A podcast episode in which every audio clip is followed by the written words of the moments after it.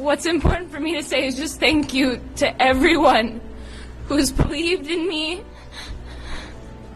who's defended me, who's supported my family. Um, my family's the most important thing to me right now, and I just want to go and be with them. So. En pojke ligger på marken. Han är åtta år och andas inte. Det ska ha skett en olycka, men pojkens kropp vittnar om så mycket mer.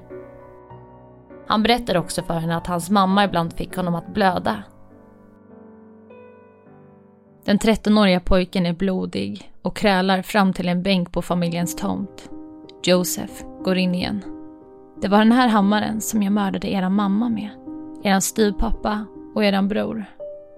Shasta gråter. Det är tyst.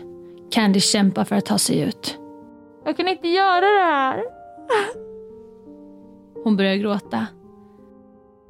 Om barnen inte visar intresse för honom, om de inte är delaktiga i akten, så blir han arg. De måste låtsas att de gillar honom, gillar det som han gör mot dem. Hej på er alla poddlyssnare. Nästa vecka är Värsta morden tillbaka med tio nya episoder. Missa inte det.